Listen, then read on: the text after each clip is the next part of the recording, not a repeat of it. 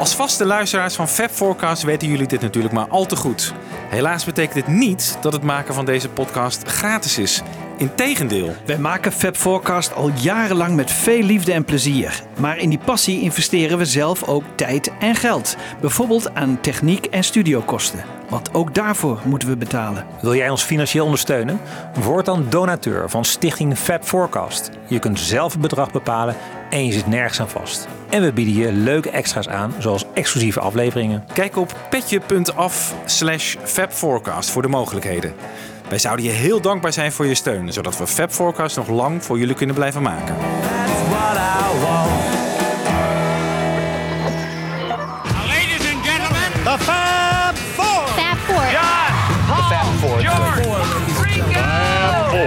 Fab Four. We have for you the Fab Four.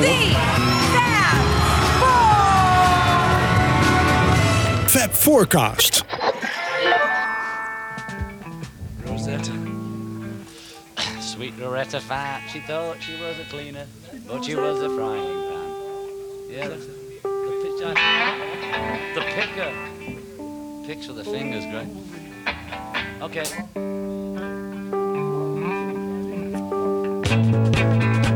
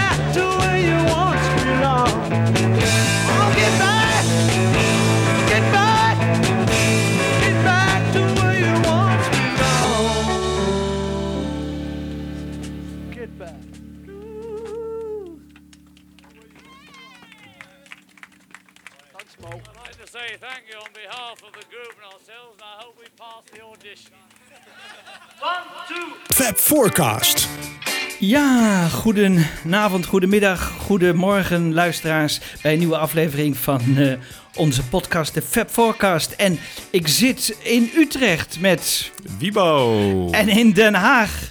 Met Michiel. En ik zit in Hilversum, Jan Kees. Want eh, vandaag gaan we het hebben over de rooftop. Wat is jullie eerste gedachte als ik zeg de rooftop? Eh, dat is voor mij toch eh, de gemiste bioscoopvoorstelling, eh, omdat ik corona had. Nee! dat was echt heel erg. Dus eh, jullie zijn met z'n tweeën geweest. Ja. Ja. Wij waren met z'n tweeën inderdaad in Den Haag. Ja, Eh, speciale voorstelling. waar ik ook nog achter kwam dat de winnaars van de prijsvraag, dat er geen kaartjes voor klaar lagen in Rotterdam. Maar goed, het is toch nog goed gekomen achteraf. En het was niet vol, die zaal. Maar eh, we hebben wel zeer genoten, toch Jan Kees? Zeker hebben we zeer genoten. Het was een, een groot scherm. Ik had toch gehoopt dat het gewoon de echte rooftop was. Zonder interviews, gewoon de muziek. Hè, zes camera's op een dak en daar de mooiste opname van. Maar eh, we kregen eigenlijk eh, de, de aflevering te zien. eh, althans, het gedeelte te zien wat in aflevering 3 zat van Get Back. En dat is natuurlijk altijd leuk. Met een groot scherm en met mooi geluid. Maar ik had toch stilletjes een beetje gehoopt dat het iets meer was. Maar goed, Ja. je, er moet altijd wat te wensen overblijven. Hè? Ja, dus eigenlijk heb ik helemaal niks gemist. Eigenlijk heb je niks gemist, want als je het met een goede koptelefoon beluistert, eh, dan hoor, die, hoor je het eigenlijk bijna net zo goed. Jij was Ja. een beetje ontevreden over Jan Kees. Dat het er echt gewoon één op één uit eh, deel 3 van Get Back was. Ja, want weet je, ik dacht, nou ja, dit is, dit, hè, om de mensen naar de bioscoop te lokken, moet je toch iets extra's geven. En dat had heel goed gekund. Hè? Als eh, Peter Jackson een versie had gemonteerd vanuit die zes camera's bovenop het dak. En zoals eigenlijk Giles Martin het had gemonteerd. Eh, hè? En voor ons heeft eh, geremixed. Hè? Die, we onlangs eh, van hem kregen. Dat was prachtig. Als we daar de beelden bij hadden gezien, dan was ik helemaal tevreden we- geweest. Hè? Dus gewoon Giles Martin zijn mix gebruiken en dan daar beelden bij zoeken. Dat was schitterend geweest. Maar ja, dit, Voor de diehard fan was het schitterend geweest. ja, en ik denk ook wel dat de diehard fans... Want ik denk niet zozeer dat hier mensen speciaal voor naar de bioscoop eh, gegaan zijn... en die niet naar de Get Back-serie hebben gekeken. Dat kan ik me bijna niet voorstellen. Ja, toevallig was ik er een dag eerder met mijn zoon van 11. Ja? En die genoot enorm van de, met name de scènes waarin de politie natuurlijk op een gegeven moment die Beatles van het dak probeert te halen en zo. Dus dat, dat drama, Ja, ja, dat is toch, voor sommige kijkers heeft dat natuurlijk toch meerwaarde. dat is waar. Maar ik snap je wel hoor, Jakees. Eh het was natuurlijk mooi geweest. Dat willen wij natuurlijk allemaal als Diehard fans. Net een beetje anders dan het product dat de massa voorgeschoteld krijgt. En dat kregen we niet in de bioscoop. Nee. Want we gaan het vandaag over de rooftop hebben. Maar gaan we het hebben over de film of gaan we het hebben over het, het, eh, ja, de rooftop als zodanig? De rooftop denk ik wel als zodanig. En die film speelt daar natuurlijk een belangrijke rol in. Maar we gaan het natuurlijk hebben over wiens idee is het. Hoe is het een beetje technisch uitgevoerd. Wat hebben we tot nu toe gemist en wat zullen we eh, blijven missen aan muziek. Eh, wat hoorde je op straat? Eh, hoe kwamen ze aan, aan de techniek? Hoe, waarom ging het bijna niet door? Ik, ik wil graag jullie mening over, over heel veel eh, zaken hebben. Nou ja, afijn, we doen gewoon zoals we altijd doen. Eh, we komen altijd wel ergens eh, op iets interessants terecht. En jullie hebben, hebben altijd een leuke mening. En ik zal wel wat onderwerpen aangeven. En natuurlijk eh, gaat het dan ook over hoe de show gestopt werd en eh, waarom en hoe de politie daar van invloed of niet wel van invloed is geweest. Nou ja, fijn, dat is natuurlijk ook heel erg leuk. En daarbij horen we natuurlijk ook de mening van eh, eh, John Paul en George en Ringo en de mensen die erbij betrokken waren. Zoals Michael Lindsay Hawk en de agent die daar, eh, een van de agenten die daar boven op stond. En ehm, wat ze nog graag hadden willen doen met een helikopter. En eh, hoe een kunstenaar zijn kunstwerk eh, naar boven smokkelde. En eh, op die manier beroemd hoopte te worden. Dat verhaal ga ik straks ook nog even vertellen. Nou ja, afijn. Er valt genoeg over te zeggen, lijkt me. We, we, we zijn daar geweest, jongens. Toen jullie in die, in die straat stonden, hè? Was het een beetje zoals jullie hadden. eh, je, je was er misschien wel eens eerder geweest, maar we hebben nu toch dat beeld van hè, hoe, Michael Lindsay Hawk dat eh, laat, ons laat zien met camera's. En, en Peter Jackson heeft dat nu prachtig gemonteerd. Maar komt het dan een beetje overeen met hoe we het op de film zien? Of was het in werkelijkheid toch weer wat anders, die straat? Nee, voor mij komt het wel overeen hoor. Ik, heb, ik ben daar natuurlijk inderdaad, wat je zegt, vaker geweest. En eh, dat is vaak zo bij locaties die je alleen van foto's of films kent. En je komt daar in het echt. Dan sta je daar bijna gewoon als je het weer ziet op film, weet je. Dus ik, ik kan me heel goed voorstellen. Oh, daar staan die, die meiden die worden geïnterviewd voor die deur. Ja. of aan de overkant van de straat. Je ziet het gewoon voor je. En ook eh, als je vanaf het dak dan kijkt, hè, vanuit die film, dan zie je die straten en zo ook lopen. En weet je, dat hebben wij afgelopen, eh, vorige maand hebben we daar ook gelopen. Ja. Ja. Dus eh, je kan het je heel goed voorstellen. Ja. ja. Michiel, heb jij dat ook dat je het idee hebt, ik loop op historische grond eigenlijk? Ik, Ja, best wel. Maar ik heb natuurlijk ook onze laatste podcast. eh, als je daar naar, naar luistert, dan hoor je ons ook een beetje zeggen van... Hè, hoe belangrijk het is om eh, op de plek zelf te staan en te beleven van oké, zo zag het er dus uit. Hè. Dat hadden we ook sterk in dat, eh, die eerste locatie, dat parkje. Ja. Je denkt van, goh, het is een stuk kleiner dan je, dan je in je hoofd hebt, hè, op basis van de foto's die je kent. Eh, dat heb ik bij Savile Row helemaal niet, want nou, inderdaad, ik was al eerder geweest. En ja, god, eh, dat, die, die locatie, dat, die, die voelde ik al wel een beetje. Eh, maar ik vond het wel op andere. eh, nou ja, we besloten ook een beetje van jammer dat in Londen alle deuren dicht blijven. Want je wil die ruimte beleven. Je wil het gewoon, ook al is het gewoon eh, Londense bovenwoning, je wil even bij die schouw staan waar de Beatles stonden met Pepper, weet je wel. En dat, dat, dat hadden we daar dus even niet. Maar in, de, in Three Savile Row had ik wel. eh, We zijn in het ja, souterrain geweest. Ja. Ja, Vlak voor de deur. voor de deur van. Nou ja, wel het trapje waar Lennon inderdaad afliep op een Ja. gegeven moment. hè. Ja. Dus eh, Schalende Ja. troost. En we keken ja. nog even naar binnen. hè. We keken ook nog even die, de oude Ja. studio in eigenlijk. eh. En even voor de goede orde, want we spraken dus ook in bij de buren. Die zeiden van, ik heb het ook geprobeerd, maar het is mij niet gelukt. En Nee. gewoon iemand die ernaast permanent werkt. Hè? Ja. Die kwam ook niet binnen. nee. Dus het is gewoon een... Ik, ik da- lag, lag later van, volgens mij moet je zo'n beetje terminaal ziek zijn. Als laatste verzoek van, ik wil nog even het dak op. Nou, dat, dat, dan mag het wel, maar veel eerder niet. Ja. Oké, ehm, Wibo, hoe zat het ook alweer? Leg nog even uit. Waar wilden ze nou eigenlijk eh, het liefste eh, mee eindigen, deze film? Want het, het, het dak kwam, toch niet als eerste in hun op, hè? Bedoel, ze hebben toch veel ideeën gehad, of niet? Waar ze uiteindelijk eh, zouden eindigen om een concert te geven. Want daar moest de film toch naartoe? Ja, de film moest een climax hebben. Maar het was eigenlijk die eh, regisseur, hè, Michael Lindsay Hawk, die maar constant met locaties eh, op de proppen kwam. Ja. Tripoli, eh, amfitheater, ehm, nou ja, op een boot. Ik kan me ook herinneren dat er in de pers eind 68, dat heb ik wel eens gelezen, dat er ook toen sprake was dat de Beatles optreden zouden geven in de Roundhouse in Londen. Daar, zelfs in de Beatles Monthly is daar, eh, eh, zijn daar advertenties voor eh, geplaatst, dat je daar ook kaarten voor kon winnen. Dus ze waren wel iets van plan om wat live te doen, denk ik. En uiteindelijk, ja, ze konden er gewoon niet over eens worden wat ze moesten gaan doen. En op een gegeven moment, ja, wordt dan de optie geopperd. Nou, ja, we willen gewoon niet weg. Ringo wil niet naar het buitenland en George wil eigenlijk helemaal niks.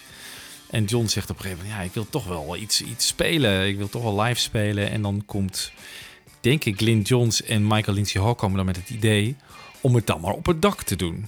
Van het gebouw waar ze op dat moment eh, aan het oefenen zijn. Gewoon Maar heel makkelijk. We, we weten dat niet wie het eh, heeft aangereikt, het, idee, het gouden idee. Hè? Nee. Nou, je je- ziet het wel gebeuren, je ziet het ingefluisterd worden bij Paul. Maar Ja. of Ja. degene die het influistert ook degene die het idee had, dat weten we niet. Nee, ik lees Glyn Johns, ik lees John Lennon, ik lees Paul McCartney en ik lees Ringo Starr en eh, Michael Lindsay Hawk lees ik ook. Dus er zijn vele mensen die het zich toe-eigenen. Ja. Nou, misschien kunnen we even luisteren wat eh, Ken Mansfield eh, daarover zegt. Ken Mansfield was de, de man eh, van eh, Apple in Amerika. En die was toevallig op bezoek hè, bij, bij Apple Londen. En die heeft het een beetje meegemaakt. En nou ja, dit is zijn idee van waar het idee vandaan kwam. And one of the things I heard there were like seven different people that claimed that they came up with the idea for the roof. And I looked at everything, and for the last hundred interviews, I've been saying my deduction is Michael made the decision because the logic was there. And it seemed like the most uh, authentic person that could have made that decision. So, Michael, I'm glad I, I got it right just on a guess. Oh, But to you're, me, you're it right, seemed logical. I, I, I, I was, in Agatha in Agatha Christie terms, I was the natural culprit. Ja, Hmm, horen we daar Michael Lindsay Hawk? daar horen we Michael Lindsay ook. Ook? Zijn stemgeluid, daar kun je niet omheen, hè? nee. ja, maar ik heb het een beetje zitten reconstrueren.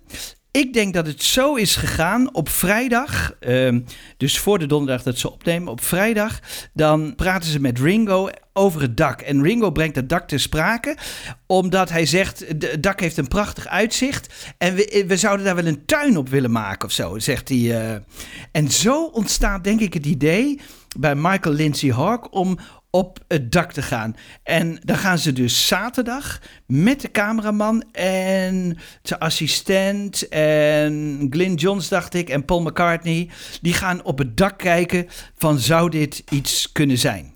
Nou, en eh, dan wordt eigenlijk volgens mij de knoop doorgehakt. We gaan het definitief op het eh, dak doen. Dat moet ook wel, want eh, maandag, die maandag erop, dan verschijnen al de eerste bouwvakkers. En die gaan al de situatie bekijken, want Paul McCartney zegt: dit dak is niet sterk genoeg. En dit dak moet versterkt worden. En uh, daar moet uh, houten plankier op komen, er moet een reling op komen. Nou, fijn. Dat moest allemaal in één weekend geregeld worden. Dus dat is, dat is ook een enorm kunstwerk geweest. Dat, dat zien we allemaal in die film niet, maar dat moet. Hè, want ja, vind maar eens een, een, groep bouwvakkers die dan gelijk maandag al aan de slag kunnen en, en, en dinsdag dat kunnen bouwen. En, en alles al hebben uitgemeten en gedaan. Nou ja. Uh, dus dus uh, er moet ontzettend veel geregeld worden. Dus het moet ook wel op die vrijdag tot en met zaterdag geregeld zijn. Michael Lindsay Hawk, die is het helemaal eens natuurlijk dat hij met het idee is gekomen.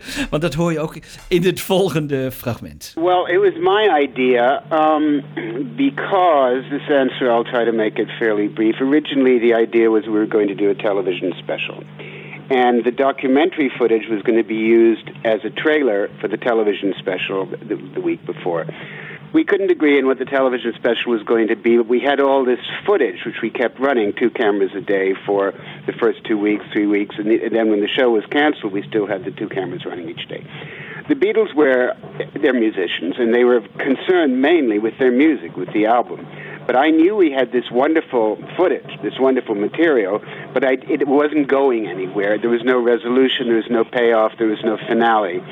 So at lunch, well, lunch one day, I said, you know, after being doing it for two weeks, and, and we thought about where the special was going to be, I said, well, you wouldn't do it at the Cavern, and you wouldn't go to Tunisia in the amphitheater. Why don't we do it on the roof? En dat moest ook wel, want um, jongens, het was echt een ongelooflijk technisch hoogstandje wat daar is. Uh, want je moet je voorstellen, het waren drie dagen die ze ingepland hadden. Uh, ik denk dat ze die al begin januari hebben ingepland hoor. Dat er op het eind drie dagen waren waarin iets moest gebeuren. En wat wisten ze dan niet? Want je moet je voorstellen, uh, er waren tien camera's plus crew, plus assistentie. Waarvan drie camera's echt gespecialiseerde, in, hele ingewikkelde camera's. Zes geluidsmensen voor de naga's één geluidsmixer voor op het dak, apparatuur van EMI, versterkers, boxen, twee interviewers buiten. Die mensen stonden allemaal klaar voor drie dagen. Dus dat was een enorme hoeveelheid mensen. Die konden ze natuurlijk stand-by houden, als het slecht weer zou zijn, dan, dan nou fijn. Dus, dus die mensen die kregen waarschijnlijk voor drie dagen allemaal betaald, terwijl ze maar één dag uh, hoefden te werken. Toen hebben ze gezegd, nou die laatste dag, dan, dan gebruiken we die, die twee grote camera's ook nog voor beneden in de studio. Dus hebben ze er toch nog iets uitgehaald. Maar ik denk dat dat allemaal al, al weken van tevoren vaststonden. Want je moet je voorstellen, dat soort mensen, die huur je niet in op één dag of twee dagen van tevoren. Die hebben allemaal vaste contracten. Hè, dit zijn gespecialiseerde mensen met die ingewikkelde camera's moeten bedienen. Die hebben vaak uh, langdurige contracten. Dus die moet je van tevoren gewoon vastleggen. Dus dit, dit kan niet anders dat dit lang van tevoren al is vastgelegd. Niet het dak, maar wel dat ze iets zouden doen met meerdere camera's. En in dit geval tien camera's. Moet je je voorstellen, tien, dat is niet niks. En die moesten allemaal gehuurd worden. Die moesten dus vastgelegd worden bij de cameraverhuurbedrijf. Allemaal gespecialiseerde mensen die dat konden bedienen. Dus dat moest allemaal geregeld worden. En uh, die stonden eigenlijk stand-by. Alleen waar? Dus Tunesië was al heel lang niet meer uh, in zicht. En ja, het zou bijvoorbeeld wel in het Roundhouse hebben gekund. Hè? Dan, dan zou je kunnen voorstellen dat die camera's allemaal in een, uh, een voorstelling gebruikt zouden worden. Maar ehm, ik denk ook al met al, ik heb dat zitten berekenen. Hè? Ik denk dat het al met al die ene dag ongeveer anderhalf tot twee ton heeft gekost. Dus alleen al aan inhuren van mensen, apparatuur, et cetera, et cetera. Dus uh, dat is natuurlijk een enorm bedrag voor de. Je kunt zeggen, nou, die Beatles, dat interesseerde ze allemaal niks. En uh, ze hadden, voor hetzelfde geld hadden ze dat in de sloot gegooid. Maar dat denk ik toch ook weer niet. Ik denk als één van die Beatles nee had gezegd, dat ze dan toch die was toch wel aangekeken. Want ja, dan zet je al die mensen, gebruik je niet. Al die camera's gebruik je niet. Er gebeurt dan helemaal niks eigenlijk. Dus dan ga je weer door met twee camera's gewoon. Met twee oude En de rest uh, gebruik je dan niet. Dus dat, ook zelfs voor de Beatles lijkt me dat toch wel een brug te ver te zijn geweest. Dus ze moesten wel. En, en, en we horen nu vaak van dat ze uh, vijf minuten voor tijd zeiden: zullen we wel of zullen we niet? Maar ik denk toch eigenlijk dat dat meer een spelletje was dan dat ze echt. Wat Het denken was ook jullie? geen dat- optie meer om te stoppen eigenlijk. Nee, dat moment. kon toch eigenlijk ook niet Wat ik me meer. wel heb afgevraagd, oké, eh, hè, die, die, die Michael Lindsay Hawk wil graag een finale hebben. Hè? Dat vertel je net ook van. Er moest echt een soort eh, mega slotstuk komen van het hele project. Maar er was, en volgens mij heeft hij in de vorige show ook wel over gehad, ook wel een optie dat je gewoon zou zeggen van nou, dan is het geen slotstuk, dan komt het niet. En dan is het gewoon de Beatles die repeteren voor een nieuw album. En dat gaat ongeveer zo. En misschien heb je dan aan het eind een mooie gezamenlijke uitvoering van Get Back. Maar ook een leuk inkijken in het maken van het laatste album. Als tv-documentaire. Want meer hoeft het ook niet te zijn. Ja, maar weet je, je mist als kijker toch misschien toch wel iets waar het naartoe werkt. Hè? Want dan zou de eerste versie van Let It Be is, is dan heel erg leuk. En dan de laatste versie is dan beter. Maar voor de gemiddelde kijker, die verwacht toch wel iets meer dan alleen eh, het repeteren en uitvoeren, denk ik, van, van die songs. En dat, dat voelde Lindsay Hawk natuurlijk ook aan. Hè? Er moest iets gebeuren. En eh, ja, dan maar het dak op. Hè? Want ja, het dak hoefden ze ook niet voor te betalen, hoefde niet de deur uit. Daar kon iedereen dan misschien dan wel mee leven. Ja, het enige probleem was het weer natuurlijk. En, en hij zegt eh, op woensdag eh, was er een kans van regen. En eh, dus we hebben het verplaatst eh, naar de donderdag. En eh, het waaide heel hard. En dat was nog de enige spelbreker. Het was koud, maar ehm, ja, ze hebben het erop gewaagd. En eigenlijk is het toch helemaal eh, uiteindelijk goed geworden. Want vinden jullie ook niet dat een Let It Be of een Get Back serie of een Let It Be film zonder rooftop toch wel een beetje mager misschien weer was geweest? Ja, het had echt wel een climax nodig aan het eind. Ja. Dat eh, ben ik helemaal met de regisseur eh, eens. Ja, hè? Ehm, Ja. En uiteindelijk heeft het inderdaad goed uitgepakt. Ik ben wel, eh, ja, dat had het gewoon nodig. Alleen maar die rehearsals, eh, dat was een beetje een, een slappe film geweest eigenlijk. Nee, dus dat moest echt eh, gebeuren. En ik vind het heel knap hoor, hoe ze ook nog eh, beneden hè, eh, in de hal hebben ze nog een hele cabine gebouwd. Dat moet je ook voorstellen. Dat valt ook niet mee, want er moest een cameraman in en een geluidsman. En er moest dan een spiegel voorkomen. En er moest een half doorlatende spiegel zijn. En dan moesten ze Debbie, die bij de receptie stond, die moest een, een zender. Nou, die zenders waren in die tijd nog heel groot. Die moesten onder haar rok eh, verborgen houden. En dan moest er een microfoon in een bloemstuk komen. Allemaal om als de agenten zouden komen, om die maar goed eh, qua geluid en film op te nemen. Ja, dat Maar ik is- vind het best goed vooruitgedacht. Want je weet misschien wel die politie gaat komen. Maar heel zeker weet je dat ook niet. Eh, ze hebben echt bedacht van we willen de actie ook bij de receptie vol in beeld hebben. Wat er ook gaat komen. Ja. Ik vind dat ook wel knap. Daar heb je echt een vooruitziende blik. eh, ja. Ja, waar ze ook, jongens, eh, echt, wat ook een hoogstandje was, was ehm, de techniek die ze gebruikt hebben. Ik, zal er niet al te diep op ingaan, maar ik vroeg aan mijn eh, oude geluidstechnicus, eh, althans leraar geluidstechniek, Jeff Nassenstein, zelfs nog een prijs naar hem vernoemd bij de AVRO.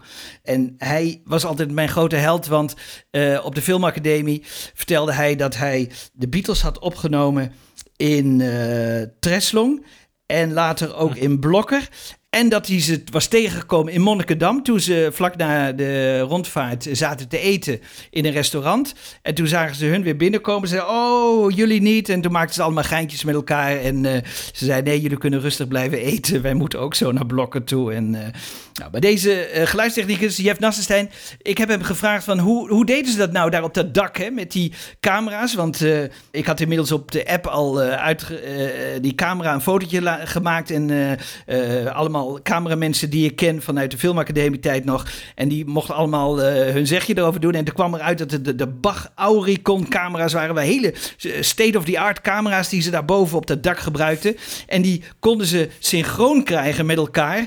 Door dat op het 50 hertz, ik ga er niet al te diep op in, maar op het 50 hertz eh, stroomnet aan te sluiten. En daar haalden ze hun synchroniteit vandaan. Dus ze hadden drie camera's die synchroon liepen en de rest ja, moesten ze later in de montage maar een beetje proberen erin te mixen. En eh, nou ja, die, die camera aan de overkant, eh, daar zag je toch niet precies of het exact synchroon liep. Dus eh, daar konden ze wel wat mee fixen. Beneden hoeft dat natuurlijk ook niet, waar ze de interviews deden en, en helemaal beneden ook niet. Dus drie camera's liepen synchroon met elkaar. En dat moest allemaal weer met geluid naar beneden gaan, jongens. En dan moesten ze ook weer een retour krijgen boven. Je moet je voorstellen, die Beatles moesten zichzelf kunnen horen. Er was ongelooflijk veel aan techniek nodig. Nodig en aan denkwerk nodig van hoe krijgen we dit allemaal goed? En eh, er moeten ook proefjes gemaakt zijn. De dag van tevoren lijkt me bijna om te kijken of het geluid niet eh, resoneert tegen de huizen aan de overkant. Hè? Want dan zou je een soort echo krijgen. Dus al dat soort dingen. Jan Kees, wij hadden het ook over de, eh, de wind. Ja, de wind. Waaierig daarboven. Is- Hoe is- voorkom je dat dat gaat zuizen inderdaad? in Ja, daar heb je dus van die plopkapjes voor. Je ziet de, de Beatles eh, zingen in een, eh, in een microfoon. En er zit, een, er een vrij dunne plopkap op. Maar toch, eh, ik, ik kom daar later nog even op terug. Want daar heb ik een hele mooie opname van. Maar ook dat probleem probeerden ze. Want er moesten voor de versterkers moesten ook microfoons staan. Want het moest allemaal beneden bij Glyn Johns in die grote mengtafel komen. Dus toen hebben ze, zijn ze ochtends zijn ze naar een grote supermarkt gegaan. Een grote warenhuis. En daar hebben ze om damespanties gevraagd. En die vrouwen die keken hun heel vreemd aan. Want die zeiden, damespanties, welke maat? Ja, maakt niet uit welke maat. Welke kleur? Maakt niet uit welke kleur. Hè, dus, eh, Dat nou ja, Alan Parsons, geloof ik, hè? Ja. Dat, eh, met Dave Harris. Ja, ja, het is echt ongelooflijk. Dus, dus, maar, die, maar het is allemaal ongelooflijk goed gelukt. Het is echt, het staat er ongelooflijk goed op. Maar je kan je voorstellen, voor degene die later gaat monteren, is het een hel geweest. Want al die camera's, om die synchroon te krijgen en om dat allemaal een beetje mooi te mixen, dan moet je weten, oh, dat staat daar, dat staat daar. Toen, want er zijn camera's die, die nemen even een stukje van Ringo op, even een stukje van George op. Hoe weet je waar dat bij hoort? Want die camera's die hebben weer geen geluid los. Dat was een losse camera, dus nou, dat, dat moet een- een- heel ingewikkeld zijn. Je kunt het een beetje horen als je hoort wat voor opmerkingen ze aan het begin maken om de zaak synchroon te laten lopen. Dan hoor je een wirwar aan slates en takes. En eh, laat me even luisteren, Wiebo. This is roll 562A guide track on the show day for cameras A. Four cameras, one is wild. The slate number for this roll is all cameras take one. One, two, one, check. Um, this is roll 1146 on camera B1. Camera B1. this roll uh, goes with uh, slate uh, 1 on camera B1. Slate 1. Tony's ready, isn't he? Een grote puzzel eigenlijk. Ja. uiteindelijk. Ja. Daar moet je dan nog uitkomen. Ik vind ook knap dat eh, Peter Jackson daar is uitgekomen. Want, maar ja, goed, daar had hij zijn mensen voor. Maar dat heeft dus ook jaren gekost hè, om al het geluid synchroon te leggen met de beelden. Omdat, eh, nou, dat is ook weer een hele technische zaak, maar dat liep allemaal niet synchroon. Dat heeft ook heel lang gekost. Hij heeft heel geprobeerd, al, zelfs nog op, op bootlegmarks, te, om, om daar de ontbrekende tapes te vinden. Hè, dus die, die, dat die al op, op, een, op een cd stonden. Ja, hij heeft niet alles gevonden, geloof ik, hè? Hij heeft niet alles gevonden. Nee, hij heeft niet alles gevonden. Gelukkig hier van de rooftop wel. En ehm, nou, vlak voordat die Beatles, en dat wist ik ook niet, en ik heb dat eh, allemaal gelezen in een boekje dat heet The Beatles on the Roof bij Tony Barrell. Het is een leuk boekje, vond ik wel. Eh, jij was er niet helemaal eh, blij mee, geloof ik, Wibo. Maar ik vond hem best aardig hoor. Er staan best wat leuke nieuwe feitjes in. Ja, zeg het eens. Ja, nou, ik vond dat hij, hij nam nogal een, fikse aanloop naar het dak toe. Weet je, dan denk je, het gaat een boek helemaal over het dak. Maar het, in feite is het alleen het laatste hoofdstuk, bij wijze van spreken. En daarvoor gaat het helemaal over dat ze in India zijn geweest. En de White Ja. Album en bladibla. Nou goed. Helemaal. Je, het is ook wel moeilijk om daar een hele, heel boek mee eh, te vullen. Maar hij heeft toch weer wat leuke nieuwe gegevens... waar ik nu ook wat dingetjes uit zal noemen. Onder andere dat de Beatles dus vlak voordat ze begonnen... nog de setlist hebben samengesteld. Hè? En eh, Ken Mansfield, eh, die zag ze dus zitten in een, in, in een van die kantoortjes van Apple. En hij zei, ik zag de Beatles voor het eerst zenuwachtig zijn. Dat vond ik ook wel leuk. Dus ze waren wel nerveus. Hè? Ze moesten toch weer optreden. Dus ook zo'n zo'n groep als de Beatles, hè, die duizenden optredens heeft gedaan, was toch niet helemaal volkomen ontspannen dat ze daar naar boven gingen. Hè? Dus dat vond ik wel heel erg leuk eh, om te horen. Goed, het is eigenlijk tijd voor muziek. En waar draaien we muziek van? En dat is eh, een mix die nooit is uitgebracht. En dat is wel heel spannend en leuk eh, om te weten. Want in 1992 kreeg Ron Furmanek, dat is een grote Beatle-kenner... Een Amerikaan die ook veel gepubliceerd heeft over de Beatles en nog wel eens wordt ingehuurd bij eh, Capitol en bij Apple om wat gegevens op te zoeken en dat soort zaken. Die kreeg de opdracht om alle Let It Be, de officiële Let It Be eh, opnamen die in de film zitten, om die in stereo te mixen. En ik heb altijd afgevraagd waarom zou die die opdracht hebben gekregen. Misschien om, voor de anthology. Dat hij daarna, eh, dat ze dachten, ja, dan kunnen we toch eigenlijk moeilijk aan eh, George Martin vragen. Want George Martin die heeft altijd zo'n hekel aan die Let It Be film gehad en, die hele Let It Be project sowieso. Dan moet toch iemand moeten doen. En in die tijd was Giles nog niet eh, hè, op het firmament verschenen, dus die kon het ook niet doen. Dus toen hebben ze Ron Furmanek gevraagd. En misschien wilden ze ook wel eh, tegen die tijd een, eh, een, een VHS uitbrengen. Met eh, DVD had je, dacht ik, nog niet in eh 92, maar eh, VHS wel. En eh, dat ze misschien eh, Let It Be op, op VHS en dan in stereo wilden uitbrengen. Maar in ieder geval, hij heeft dus een officiële stereo-versie gemaakt van al die nummers die in de film zitten. En eh, dat was, had de goedkeuring van Apple, maar die is nooit uitgebracht. Dus hij is uiteindelijk wel op bootleg eh, uitgekomen. Nou, dus vandaar dat ik het leuk vind om daar wat opnamen van te laten horen. Dus de stereo-opnamen die je hier hoort, tenzij we het anders aangeven, zijn van Ron Furmanek. En dit is eh, zijn stereo-versie van The One After 909.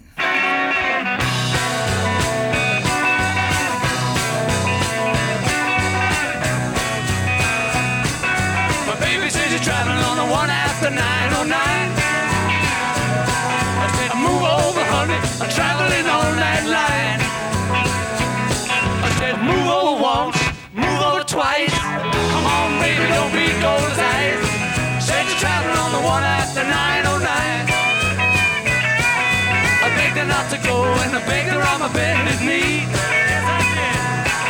You're only fooling around, you're only fooling around with me.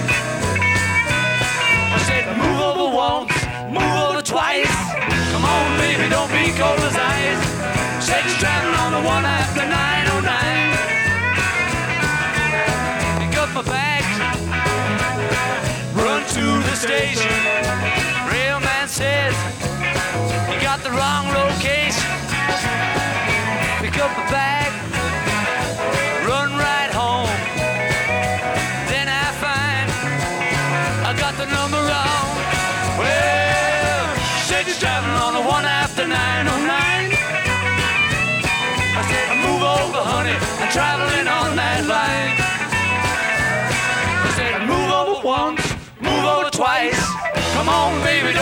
Cold as ice. Said traveling on the one after 909.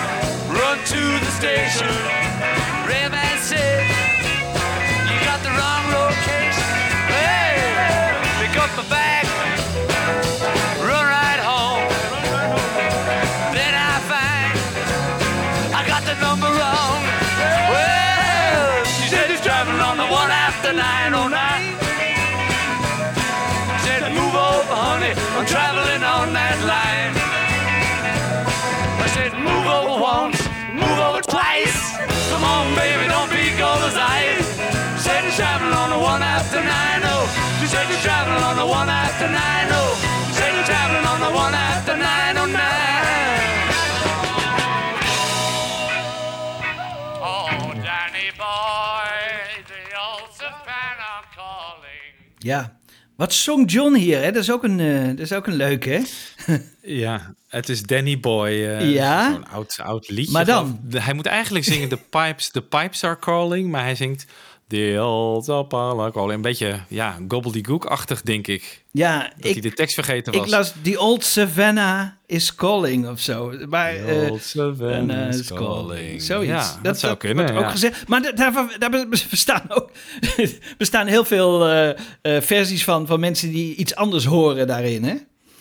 Jongens, dan nog een leuk verhaal wat ik opdook. Niet in het boek eh, Beatles on the Roof, maar wel eh, op een site dat een schilderij naar boven is, Ja, is dat hoorde ik gesmokkeld. ook, ja. Dat is toch wel Ja. heel erg leuk. Dus Nou, dat zijn van die details inderdaad die je echt opvallen als je het in de bioscoop ziet. Want Ja. op je kleine, nou ja, de meeste mensen hebben pracht, vast prachtige beeldschermen in hun huis tegenwoordig. Maar in de bioscoop zie je het heel duidelijk op een stoeltje achter de drumkit van Ringo. Staat dus een schilderij. Niet, eh, niet, niet bijzonder mooi of zo. Maar je vraagt je wel af, wat doet in godsnaam dat schilderij daar? Niemand kan het zien, behalve die mensen op het dak. Ja. En wij nu. En ik zou de luisteraars gewoon aanraden, kijk nog eens eventjes, want af en toe zie je hem echt staan. Maar je moet erop letten, vooral op een kleiner scherm op je computer. Maar het is echt een wonderlijk verhaal. Het is dus Tom Newman, een schilder, en die was net begonnen. Eh, en die wilde een expositie beginnen. En die, die had een schilderij voor zijn expositie onder de arm. Toen hij door Savile Row liep. En daar kwam hij een vriend tegen. En die vriend die, die eh, zat eh, apparatuur uit te laden. En die bracht hij naar boven bij de Beatles. In het Apple-gebouw. En hij zegt, wat doe jij hier? Ja, ja, nee, vandaag, ja, ik mag het eigenlijk niet zeggen, maar de Beatles gaan een concert geven tussen de middag en we moeten spullen inladen. En eh, oh, hij zegt, daar wil ik bij zijn. Beatles, ik ben een groot Beatle-fan. Smokkel mij mee naar boven. Oké, zegt hij, maar dan moet jij ook apparatuur... eh, Nou, dus hij heeft aan de ene hand heeft hij apparatuur... en de andere hand heeft hij zijn schilderij. En is hij naar boven gegaan. Nou, en toen hij één keer boven was... Toen heeft hij zich verborgen gehouden. Al die tijd achter een schoorsteen. En eh, het is echt wonderlijk. En hij dacht, hier moet ik bij zijn, dit, dit wil ik niet missen. Maar hij dacht, ik wil mijn schilderij ook aan de wereld tonen. Maar het moet niet opvallend zijn. Maar het moet toch ergens staan waardoor, waar je het wel ziet. Dus hij heeft rechts, als je dus naar het eh, drumstel van Ringo kijkt... rechts achter Ringo, dat is een soort muurtje. En daar heeft hij tegenaan gezet. En het was een, ja, het is geen heel mooi schilderij of zo... Maar het is hem toch gelukt. En dan eh, gaat hij dus, eh, als je eh, tegen de Beatles aankijkt, dus je staat in Savile Row en je kijkt naar de groep, dan verschuilt hij zich rechts. En je ziet hem ook regelmatig in de film. Hij heeft een soort Beatle-kapsel, heel grappig, deze schilder, die Tom Newman. En hij, Een paars jasje. een, en een paars jasje, daar kun je hem ook Ja. aan herkennen. Heel leuk, ja, Ja. inderdaad, Michiel. Paars jasje. En eh, je ziet hem, af en toe wordt hij zelfs een beetje... En, en dan moet eh, Michael Lindsay Hawk even omhoog klimmen. En dan laat hij hem even voorgaan. Hij gaat heel dicht bij de Beatles. Dan gaat hij weer wat verder naar rechts. Hij pakt praatjes met iedereen. Op een gegeven moment denkt hij, ja, nu ben ik er zo lang. Nu sturen ze me niet meer weg. Dus, eh, nou, het is hem uiteindelijk gelukt. En Neil Espinel, die heeft deze eh, schilder uiteindelijk weten te traceren. Want het feit is dat Neil Espinel op de dag van de rooftop krijgt hij last van zijn amandelen. En moet hij opgenomen worden in het ziekenhuis. Dus Neil Espinel mist eigenlijk dit, dit grootste evenement. Het laatste concert van de Beatles. Hij heeft ze bijna allemaal meegemaakt. Behalve deze. Maar hij ziet dus, eh, hij krijgt het verhaal te horen dat het schilderij erop staat. En koopt het schilderij dan aan. Ik geloof iets voor 10.000 euro of zo. Eh, hij maakt er een goed bedrag eh, van. En die is dus nu in de collectie van eh, Neil Espinel of van Apple. Dat weten we niet. Maar het schilderij is dus in bezit van een van tweeën. En ja, die, die schilder had natuurlijk een schitterend verhaal. Maar je moet het wel weten, hè? want ik heb het jullie ook verteld en je moet erop letten. Anders valt het nauwelijks op. Maar ik vind het wel heel bijzonder. Nou jongens, nog even over die, die setlist. We denken dat we alles wel horen, maar dat is toch ook weer niet waar, hè? Want eh, ik had laatst een vraag eh, in de Beatle quiz. Eh, hoeveel keer eh, wordt Get Back gespeeld, inclusief valse starten? Nou, zeggen jullie het eens? Zeven keer. En wie wil? Ik denk vier keer. het is zes keer. Oeh, Er zitten zat ik niks- het dichtstbij. Ja, je zat er dichtbij. Ja, ja nee, het, het komt er heel dichtbij. Maar eh, kijk, welke we nooit horen, jongens, is de allereerste try-out. Hè, als ze boven komen. Dat is eigenlijk een heel kort stukje. Weet je, beneden moesten ze natuurlijk. eh, iedereen moest eh, het volume van de instrumenten bepalen. eh, ten opzichte van elkaar. De Beatles moesten zichzelf goed kunnen horen. Nou, het is, het is een wonder dat ze dat in twee keer is gelukt. Want eigenlijk de tweede was een soort soundcheck. Hè, de eerste is, is een seconde of twintig en de tweede is een seconde of vijftig. Maar daar moest er alles in gebeuren. Tegenwoordig, hè, als, als Paul McCartney een concert geeft, dan doet hij een hele middag soundcheck. En dan, en bepalen ze exact. Maar daar moest het dus, eigenlijk in 30 seconden, moest het gelijk goed zijn. En het werd goed. Dat is toch ongelooflijk? Ja, ja Weet je, bizar, ja. mensen die beneden hè, eh, moesten dat eigenlijk boven het, het geluidsvolume bepalen. Want boven hadden ze niet zo'n mixer. Nou, eh, het moest naar beneden, het moest weer naar boven.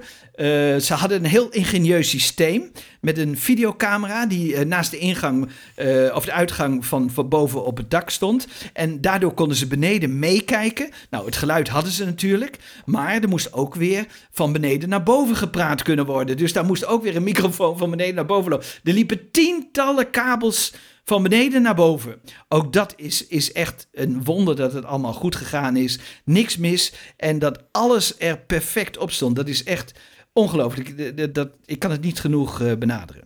Maar wat we bijvoorbeeld missen is eh, een stukje I Want You van eh, John Lennon. En dat speelt hij, moet ik even, ik, daarvoor moet ik ook even spieken hoor, tussen de derde Get Back versie en de vierde Get Back versie. En op een of andere manier is dat nooit opgenomen, behalve door iemand beneden die een interview deed met mensen in Savile Row of omgeving. En eh, ik heb eh, de stemmen even weggehaald, hè, dus de interview weggehaald, kun je toch iets beter horen. En daarna hoor je ook nog, ik geloof of Lennon of McCartney, hoor je ook heel hard schreeuwen. Dat horen we ook nergens. Dus eh, die twee fragmentjes wilde ik toch even laten horen. Dan zijn we alweer een stukje completer bij deze setup van, eh, van de Rooftop Concert.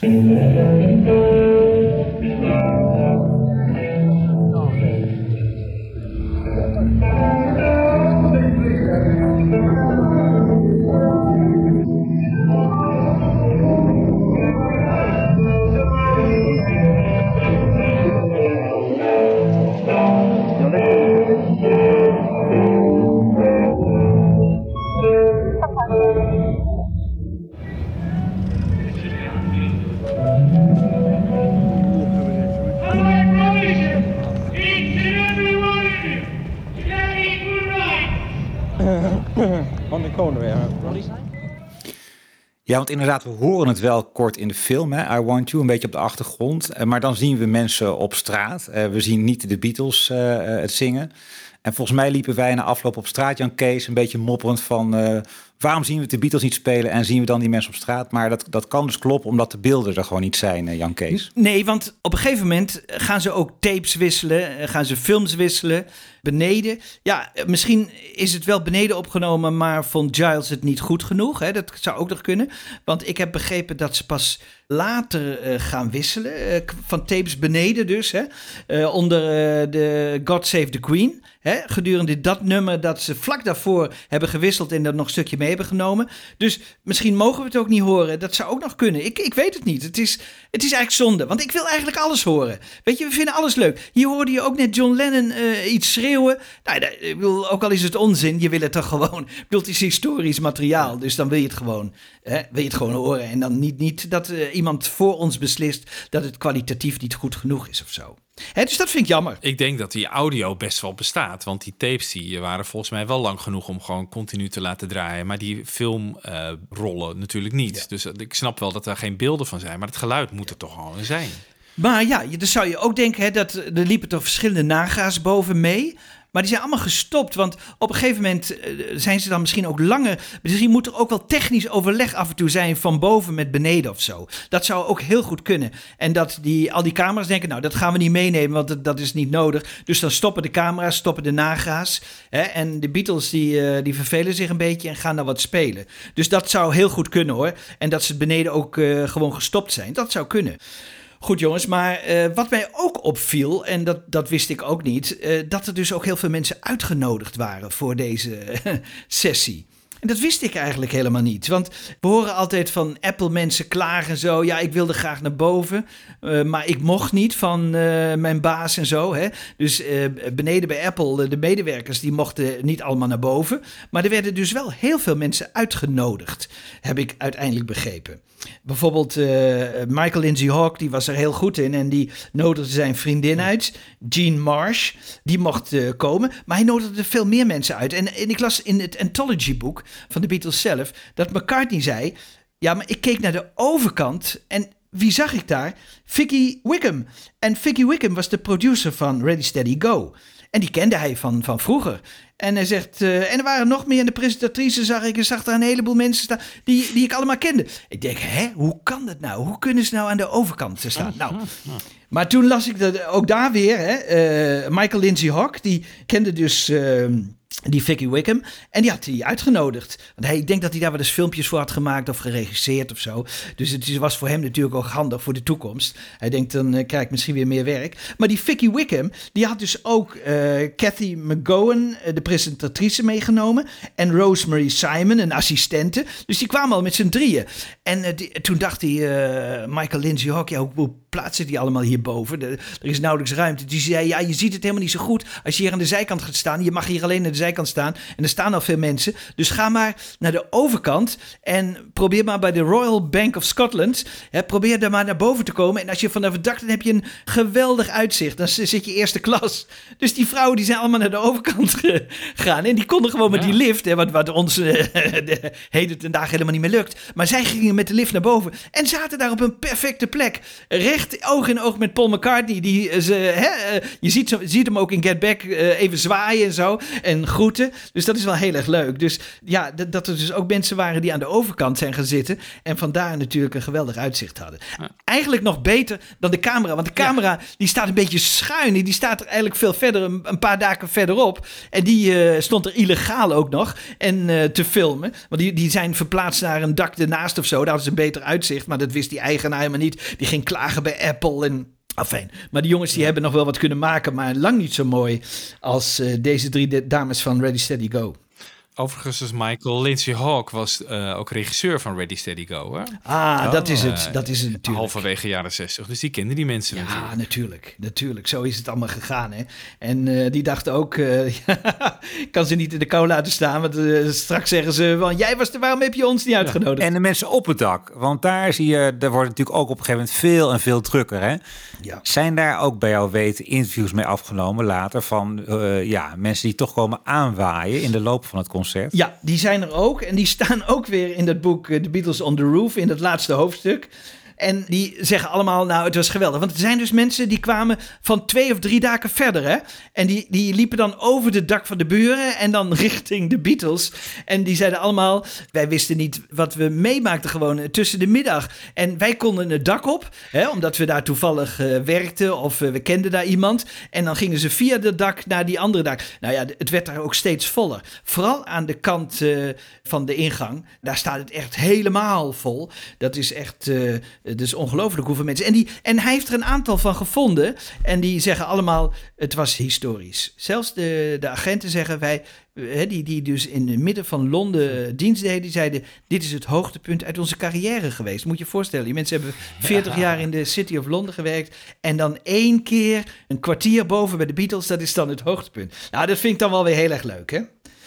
Goed jongens, over naar het volgende nummer. Ron Furmanek, mix van Dikke Pony.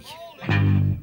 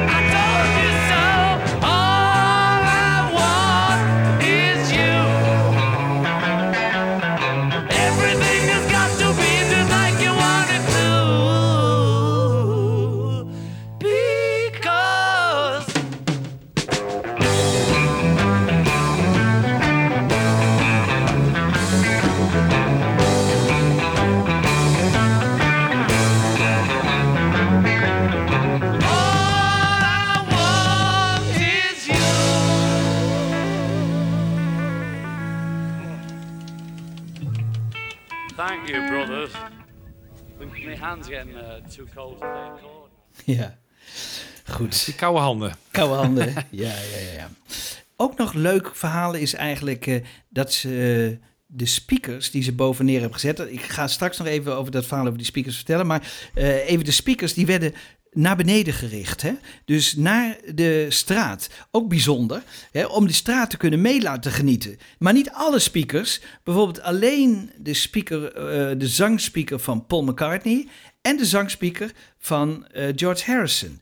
En dat is, vind ik ook dan weer bijzonder. John Lennon was eigenlijk nauwelijks te horen op de straat. Ook weer iets raars. En dat kun je eigenlijk horen in dit volgende fragment. Waarin je eigenlijk alleen de tweede stem hoort van George Harrison. eh, bij eh, Don't Let Me Down. Nou,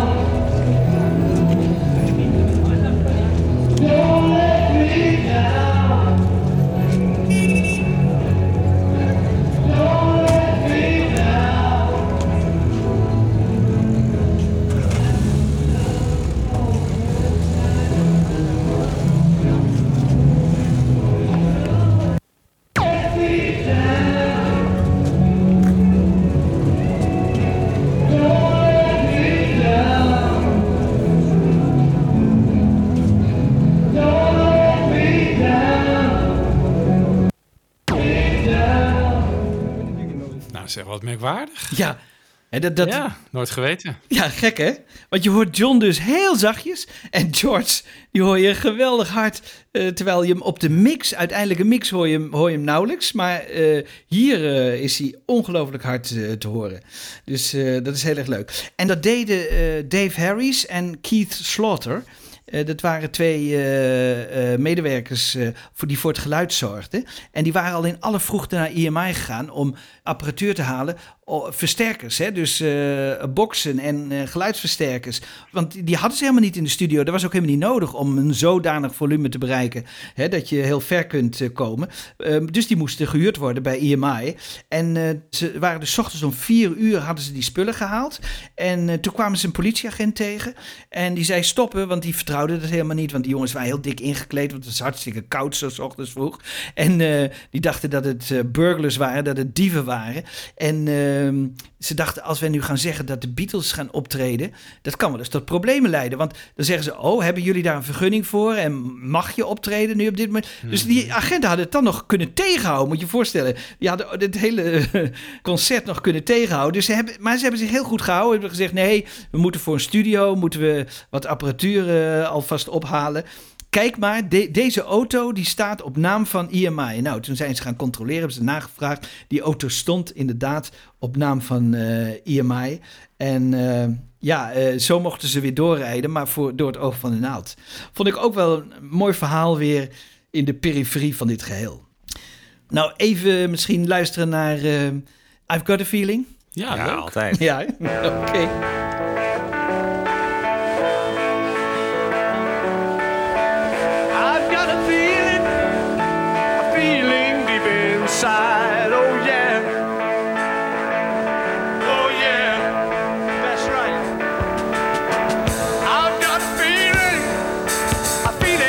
I can't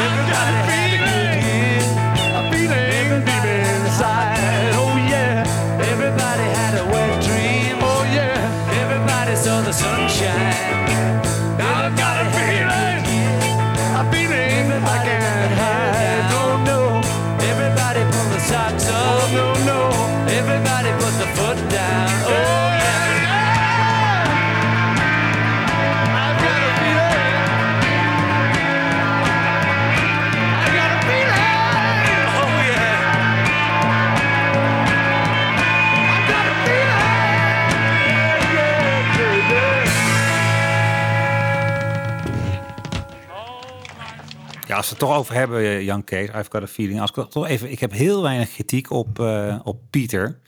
Maar wel op de manier waarop hij eh, de, de straatbeelden doorsnijdt met, met I've got a feeling op het dak. Dat vind ik echt, dat, dat hij dat veel intenser in beeld had kunnen brengen. Als hij op de hoogtepunten van dit nummer, waarin McCartney helemaal losgaat, McCartney gewoon vol in beeld brengt. In plaats van nu een klein vierkantje onder in beeld en eh, vrouwtjes in een auto en weet ik wie allemaal niet. Ja. Daar maakt hij wat mij betreft echt hele rare, rare fouten Ja. eh, in, in de mix. Je hebt helemaal gelijk, eh, Michiel. Want het is ongelooflijk hoe McCartney hier toch weer in één take geweldig die, die zang doet. En eh, we hadden het net over die wind. En die wind die heeft eigenlijk nauwelijks invloed ook op de zangmicrofoons. Het lijkt bijna een soort studio-achtige setting. En dat kun je heel goed horen als je de losse track beluistert van McCartney die ehm, I've Got a Feeling zingt. En juist dat gedeelte wat jij zo mooi vindt, Michiel, en wat wij allemaal zo mooi vinden. Ja. En, en waar dan bij weggehaald wordt. Maar ehm, laten we daarom even een stukje McCartney solo horen met I've Got a Feeling. And if you leave me, I won't be late again. Oh no. Oh no. Oh no. Yeah, yeah. I've got a feeling, yeah. I got a feeling. All these years I've been wandering around, wondering how come nobody told me. All that I've been looking for was somebody who looked like you. Lekker. Hij doet het toch maar, hè? Hij doet het toch maar. Op het Ja. moment moet je het kunnen. Hè? Dat is echt... Ja. in de Let It Be film zit het trouwens wel, hè? eh, dat hij vol in beeld is als Oh, hij ja. deze passage Ja. zingt. Ja. En Ja. dat is ook heel mooi om te zien, want hij, ja, hij schreeuwt het ook bijna uit en kijkt daarbij ook heel erg eh, intens en zo. Het is een prachtig moment in het optreden. En het is inderdaad jammer dat Peter Jackson daarvoor niet dat vol in beeld heeft Ja. eh, gebracht. Als Beatle-fan. Als Beatle-fan. Hè? Ja. Ja, het is, het is misschien muzikaal een hoogtepunt van het dakconcert, dat moment. Ja. Ja, Ja. absoluut. Ja. Maar misschien gebeurde er iets eh, eh, in de lobby of zo, of op straat of zo, dat dan op dat moment in beeld gebracht moet worden, omdat het dan synchroon, Synchroon moet lopen loopt. met. Ja, Ja, ik geloof dat maar die ik echt- kan me niet herinneren wat er nou voor Nee, interessants beneden- daarvoor in de plaats was. Maar Nee, maar het zijn weer vrouwtjes, het zijn weer de oude gesprekjes. Ja, het- weet je, Ja. op een gegeven moment heb je die gesprekjes, heb je ze op zich ook wel genoeg van gezien. Ja. ja. Weet je wat ze ook nog graag hadden willen doen? Was een helikopter. En daar hebben ze moeite voor gedaan. En ze hadden een helikopter geregeld voor die woensdag. Maar toen bleek eigenlijk dat ze geen goede vergunningen hadden. Want je mocht eigenlijk helemaal niet zo laag boven Londen vliegen met een helikopter. Dus eh, toen ze die donderdag die helikopter wilden inhuren, eh, ging dat niet door. En ehm, eh, ze hadden wel een ballon mogen oplaten. Eh, dus dat is ook wel grappig. Daar hebben ze ook nog aan gedacht. Hè? Dus een ballon aan een kabel. Hè? Dus eh, dat zie je wel eens in, eh, in van, die, van die grote steden. Kun je, je een, een paar honderd meter omhoog met een ballon. En dat hadden ze dus kunnen doen. Maar ehm, daar was de tijd niet meer voldoende voor. Dus dat, dat is niet gelukt. Het was natuurlijk geweldig geweest. Moet je jullie voorstellen dat je een topshot had gehad van heel Londen met die Beatles daar heel klein op dat dak. Dat was natuurlijk een ongelooflijk shot geweest. En nu zouden we het gewoon met een drone hebben gedaan. Ja, en dan zou niemand. eh, en, maar toen kon dat nog niet. En eh, ja, dat is wel heel jammer. Eigenlijk eh, rekenden ze er ook een beetje op dat die hele show gestopt zou worden door de politie. Daar hebben ze van tevoren natuurlijk rekening mee gehouden. Daar hebben ze het over gehad met, met Michael Lindsay Hawk. Want die hele gedoe daar in die hal, dat was niet voor niks gebouwd natuurlijk. Eh, met het idee van daar komt politie te staan. En die willen we zo lang mogelijk aan de praat houden. En we willen weten wat ze zeggen. En eh, dat, dat verhoogt de spanning. En dan mogen ze pas op het laatst naar boven gelaten worden. Nou ja, dus dat eh, was natuurlijk eh, al in de gedachten van vooral Paul McCartney, maar ook Ringo Starr. Die hoopte eigenlijk dat ze gearresteerd zouden worden. En dat, dat ze eh, in de boeien naar beneden werden gebracht. Want dat zouden ze geweldig hebben gevonden. Waarom weet ik ook niet, maar dat komt iedere keer weer naar boven. En ehm, je hoort hier eh, Ringo Starr, George Martin, die heel bang was. Dat hoorde, las ik ook, dat wist ik niet. Maar George Martin zat dus beneden en die hoorde dat die agenten waren en die trok helemaal wit weg. Die was heel bang dat hij, want ze zeiden iedereen in dit- gebouw wordt gearresteerd. En George Martin die zag zichzelf al afgevoerd worden naar een politiebureau. Die vond het heel erg. En, eh, en die, die, dat wist ik ook niet. En die Ken Warf, hè, die, die jonge agent die al vanaf het begin daar eigenlijk eh, binnen is, die zei nou, eh, er was nooit sprake van geweest dat we, dat we dat zouden doen of zo. Die hoor je helemaal aan het eind. Dus je hoort hier eh, Ringo Starr, George Martin, Paul McCartney en eh, Ken Warf. The only people that complained was the bank manager next door. The police station was only a, hu- a quarter mile down the road in Savile Row. In no time at all, the police were knocking on the door saying, What are you doing? You're causing a nuisance. And in the end, uh, it started to filter up from our roadie, Mal, would sort of come creep in trying to keep out the camera. He said, Police are complaining, you've got to stop. We said, We're not stopping, keeping going. He said, The police, he come up two minutes, he said, Police are going to arrest you. Good end to the film. Let them do it. Great, you know. And we thought, Well, that's an end. You know, Beatles busted on rooftop gig, you know. The thing on the roof that always I feel let down about with the police. You know, because someone in the neighborhood called the police and the police came up and I was playing away and I thought, oh, great. You know, I hope they drag me off. You know, I wanted the cops to drag me off, get off those drums, you know, because we were being filmed and it would have been really great. Well, they didn't, of course. They just came bumbling in. You've got to turn that sound down. you know, so could have been fabulous. Yeah, I, I, I was a, a late arrival, and um, I, I remember sort of easily sort of getting my way in. I, I, was, I, was, you know, sort of welcomed in. I remember climbing out at the top and, and standing behind Billy Preston, and like my colleagues up there, you know, there's just no way we were going to shut this down because this was the, the greatest thing that had ever happened in my police career to date. And when people talk about it, know, even now, 50 years on and 35 years of coppery, it will always go down as the greatest thing that ever crossed my policing experience. Hè?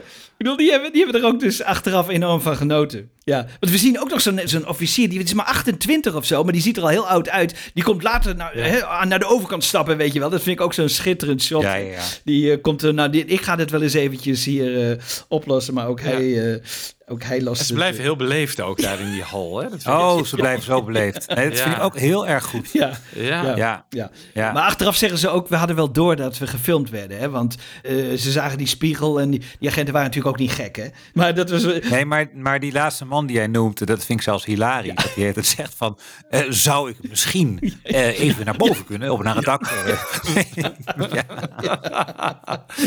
En dat een ook zegt zo van eh, dat ze eerst niet doorhebben dat het op het eh, dak is. Ze denken dat het gewoon in een studio is die niet goed soundproof gemaakt is. Oh, Ja. ze staan op het dak. Ja. Oh, Ja. Maar ja, waarom moet dat dan zo lawaai zijn? Weet je, ze kunnen dat later toch ook wel gewoon nasynchroniseren. Denkt een van die politieagenten van, denkt even slim te zijn. Van, ik heb ook wel verstand van techniek. dat leuk. kunnen ze gewoon nasynchroniseren laten. Oh, oh, oh, hilarisch. Ja, maar wat een punt voor die agenten schijnt geweest te zijn dat de buren hè, op nummer 2, dat waren Wayne Shield en Son, een wolhandel, dat die hebben enorm geklaagd.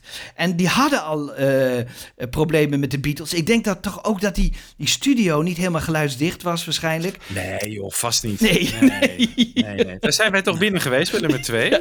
Ja, Ja, daar zijn we binnen geweest. Maar dat is nu een andere... Moeilijke mensen. Ja, moeilijke mensen ook, ja. Moeilijke mensen ook. Maar, eh, Maar het was even voor de goede orde, het was ook geen studio. Hè? Ik bedoel, ze, hebben, ze zijn er ingetrokken in die basement. Maar nou ja, voor het eerst... onze had- Griek had daar natuurlijk wel een studio eh, ja, nee, gepland. dat klopt. Maar- dat klopt. Maar dat was ook maar ad hoc eh, besloten van we gaan gewoon nu lekker op eh, ons eigen pandje opnemen.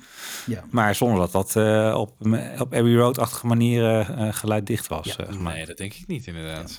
Kijk, nou, eh, we laten even Paul McCartney en Ringo Starr terugkijken. En dan komt het toch weer eh, op die politie aan. Hoe ze nou terugkijken op dat rooftop eh, concert. It was very good to do. It was open air concert. It was very freeing. We'd been in this basement, this dungeon. We'd been working on the music, and we knew it needed some kind of payoff. It was the closest we got to a live show. I mean, in many years, actually going for it. And I mean, for me, the most thrilling part, and they let me down, were the police. Because someone was complaining and the police came up, and you know, I just thought, oh, we're on film, drag me off the drums, you know, do something. The word filtered through. The police had told us to stop it. And we said, well, it's too bad. You know, we started, we're not hurting anyone. I'm sure, the lawyers next door can't get their contracts done quite on time, but, you know, we're only going to be here an hour, so don't really think this is the end of the world. So we said, well, let them catch us. And it was like, well, I'm afraid you've got to turn down. and, uh, you know, the plug was pulled out, and George demanded it was put back in, and Mal put it back in. And, but it, it could have been incredible, you know, just been Beatles carried off by police would have been great.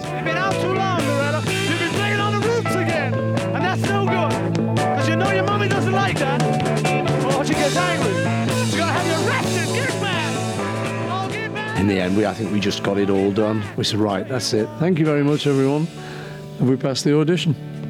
Get back.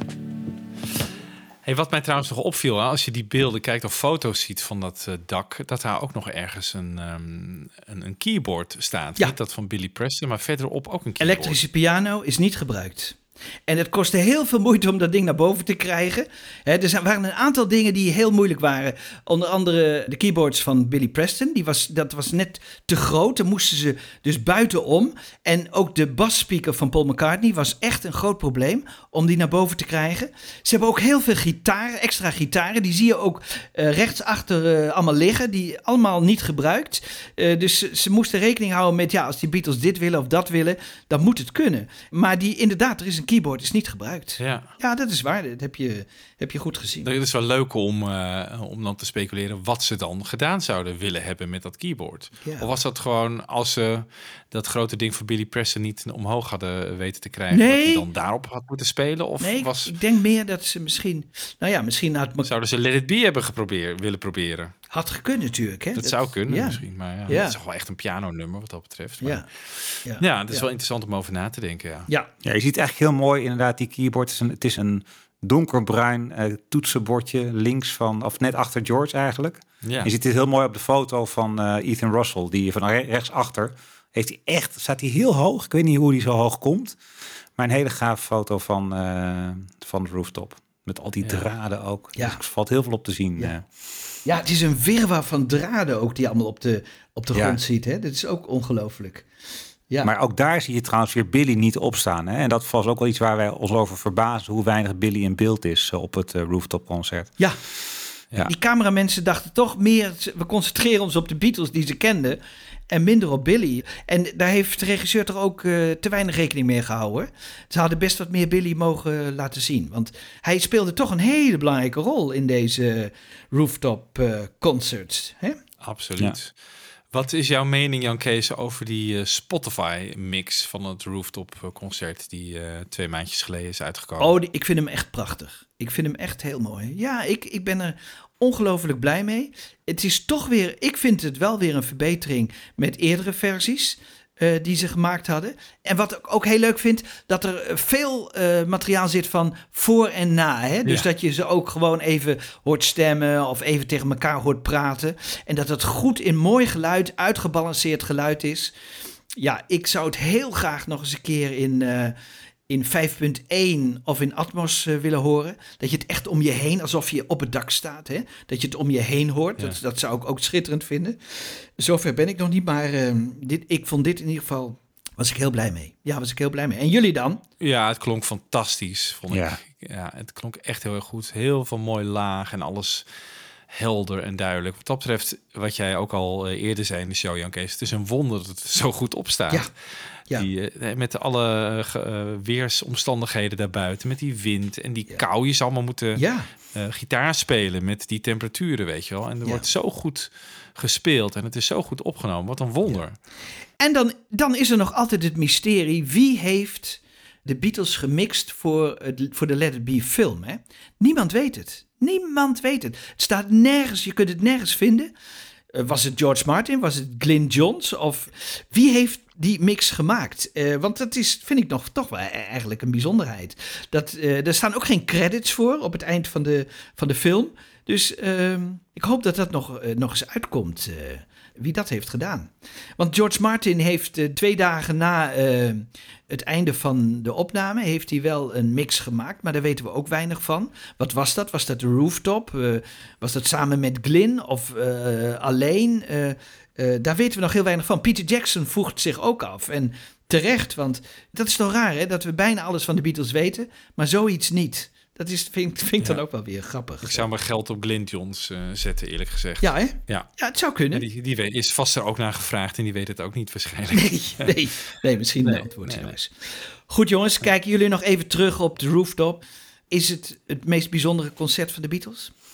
Dat weet ik al ook weer niet, eh, Jan Kees. Ja, nou, het we is maar wel vraag. Shea Stadium behandeld. eh, maar inderdaad, wat we net zeggen, hè, I've got a feeling, McCartney eh, uitschreeuwend en, en misschien ook One After 909, de Get Back. Er zijn wel een paar nummers waarvan ik denk van dit is zo goed, dat behoort wel tot de crème la crème van de Beatles live. eh, ja. Ja, absoluut mee eens. Maar het was natuurlijk ook niet echt een concert, hè? Want je speelt drie keer Get Back. Het is eigenlijk gewoon een opnamesessie in de open lucht. Ja. Ja. Dus op Ja. zoek naar de, de beste ultieme versie van een, van een nummer om op een eh, plaat te zetten. Ja, maar, Ik maar denk dat ze op dat stuit al wel duidelijk hadden dat dit een album op een album moest komen. Of dat ze de beste versie voor in een film wilden hebben. Maar eh, waarom speel je dan zo vaak eh, één nummer? Don't Let Me Down twee keer, I've Got a Feeling twee keer, Get Back drie keer. nee, vijf keer hè? En, en één, Ja, één valse Ja, start hè? met alle valse starts. Met ja, valse ja. nou vijf keer. Vijf dan, keer, ja. vijf keer spelen. Vijf, maar eh, het zou Get Back heten, hè? Het zou ook Get Back gaan, eh, de, Ja. de film, hè? Maar waarom zou je dat doen? Met wat voor intentie is het dan? Voor de film? Misschien, eh, ja, om te beginnen en mee te eindigen, dat zou natuurlijk allemaal kunnen. Ja. Dat is ook nog een mysterie. Hè? Er zijn nog best mysteries. eh, en dat vind ik ook wel leuk. Hè? Ik bedoel dat we nog niet alles weten. Nee. Hè? Van, van hoe is dat dan gegaan en waarom hebben ze dat gedaan? En hebben ze van tevoren. Want er was een soort line-up. Want vlak voor Don't Let Me Down begint John in één keer met Get Back te spelen. Zegt hij: Oh nee, oh fout, fout, fout. Eh, ik moet Don't Let Me Down eh, spelen. Maar eh, dat had hij al een keer gespeeld. Dus hebben ze dan onderling overlegd van. We doen dat eh, na eh, I've Got a Feeling nog een keer. Dat, daar horen we niks over. Wanneer hebben ze dat be- beslist? Wie heeft dat beslist? Dat ze dat eh, op dat punt nog een keer dat, hè, eh, Don't Let Me Down zouden doen. Maar met Don't Let Me Down snap ik het misschien wel. Omdat John in die eerste versie natuurlijk een regel eh, Ja. niet goed zingt. Maar wie besliste wanneer ze dat nog een keer opnieuw zouden doen en waar? Hè? Dat soort dingen. Dat zijn allemaal eh mysteries. Ja, en je hoort, dat is ook wel jammer, weinig eh, eh, in-between chatter eh, tussen nummers. Hè? Ja. Want dat zou heel goed kunnen zijn dat de Beatles dat zelf toch lekker afstemmen. Van zullen we zo meteen dit of dat? Ja. Hoe kan het dat dat allemaal ook weg is? Ja. Dat we dat niet hebben? Ja, dat is toch een mysterie? Dat is toch gek? Ja. Dat is heel... Ja, Zeker met, met, met Peter Jackson had je verwacht dat dat nu wel naar boven zou komen. ja, ja, Hè? ja zeker. Als hij iets leuks nieuws wil brengen, dan zou het dat wel kunnen zijn. eh. Ja, Ja. ja. Maar ik denk toch dat ze met z'n allen zijn gestopt even. En ook alle apparatuur even is gestopt. En dat ze daarna weer een teken kregen van Michael Lindsay Hawk. Van oké, we beginnen weer jongens, start maar weer. Hè, om allemaal op tape en, en een film te besparen. Dat zou kunnen. Het is wel zo wat ik denk, is dat, dat we nou, ook weer door de hele Peter Jackson film dit, dit hele concert veel intenser beleven als een heel bijzonder moment in de Beatles geschiedenis. Want Mhm. het was altijd wel bijzonder, maar het was ook altijd een beetje, ja, de- toen die rooftop. Ja, eh, wat kennen we? De morsige beelden en eh, de opnames die je van eigenlijk vooral van de film kent. Ja. Eh, en dan met uitzondering van wat op de plaat is beland. Maar niet als een heel erg in mijn brein gegrift eh, legendarisch moment. En dat doordat het nu zo mooi in beeld is gebracht. Ja, de kwaliteit is zo goed, hè. Het is alsof het eh, in 4K eh, op 35 mm is opgenomen. En dat is geweldig. Je geniet er gewoon van. Ja. Je, het is alsof je er op dat dak zelf staat. En dat vind ik toch wel heel bijzonder. En dat is toch wel aan Peter Jackson Ja. te danken. Dat hij die En kwaliteit... had je dat gevoel ook wel in de bioscoop toen, toen je dat zag? Dat je er... Nee, dat toch, nou niet zo. Weet je, het was altijd wat, bleef wat korrelig. En het was nooit zo mooi zoals we het nu hebben gezien. Het is ook kleur gecorrigeerd, is het zo goed gedaan. Dat konden ze in die tijd niet. Dus, maar ja, je, Oh, maar Wiebo, bedoel jij de bioscoop oude versie? Ja, jij bedoelt Nee, de nieuwe ja. versie. Nee, ik bedoel de Nee, nieuwe oh. versie. Die jullie Ja. met z'n tweeën hebben gezien en ik heb Oh. gemist. Nee, maar daar had ik het al. Daar had ik het zeker bij. Ja. Ja. ik vond ook, ik heb hem dus twee avonden achter elkaar gezien, hè? Eén keer met Jan Kees, één keer met mijn zoon. En ik vond het wel echt. eh, het is, ja, ik had zo een derde keer willen gaan, want er valt zoveel te zien. Het blijft zo'n bijzonder. eh, het is zo goed in beeld gebracht. Ja. ja, en ook juist door die verschillende camera's naast elkaar kan je eerst daarop focussen, dan weer daarop focussen, weet je wel. En daarom le- leent het zich ook heel goed voor herhaalde kijkbeurten. Eh, het geluid was heel goed. Ja. ja, dus dat was toch echt wel genieten. Ja. Nou, wie weet komt het nog een keer. Oké. Ja, joh. Nou, misschien op de DVD, weet je, of op de Blu-ray die gaat komen, dat je dan wel die versie krijgt met alleen het optreden van de Beatles. Daar hoop ik dan nog wel op Nou, nou. dat dat gaat komen. Ik, maar, I eh, don't think so. Ik twijfel. Ja, je twijfelt? Ja, toch. Ja, Nou, goed. Ik vind in ieder geval het dakconcert vind ik wel eh, een onverwacht eh, heel goed einde van dat hele project. Want ze zaten toch wel echt eh, een beetje te klooien. Hadden geen idee waar het heen ging. En dat er dan toch eigenlijk dat dak hun in de schoot werd geworpen.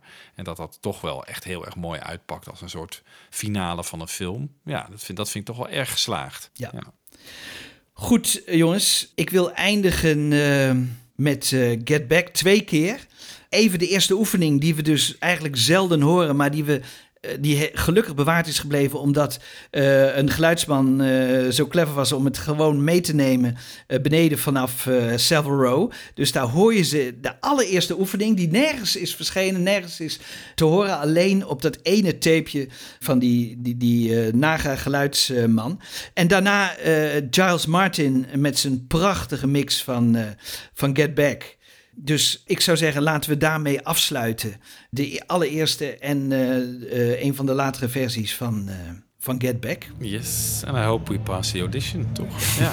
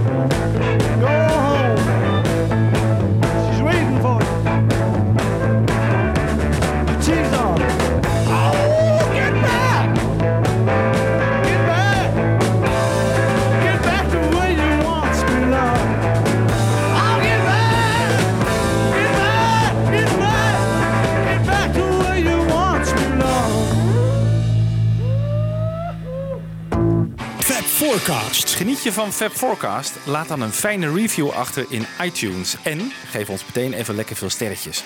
Dat helpt andere luisteraars weer om ons te vinden. Heb je vragen? Mail dan naar fabforecast.gmail.com of kijk op onze pagina's op Facebook en Twitter. En de afleveringen van Fab Forecast zijn ook te beluisteren via beatlesfanclub.nl. Get back, get. Get back. Oh, we gotta get together.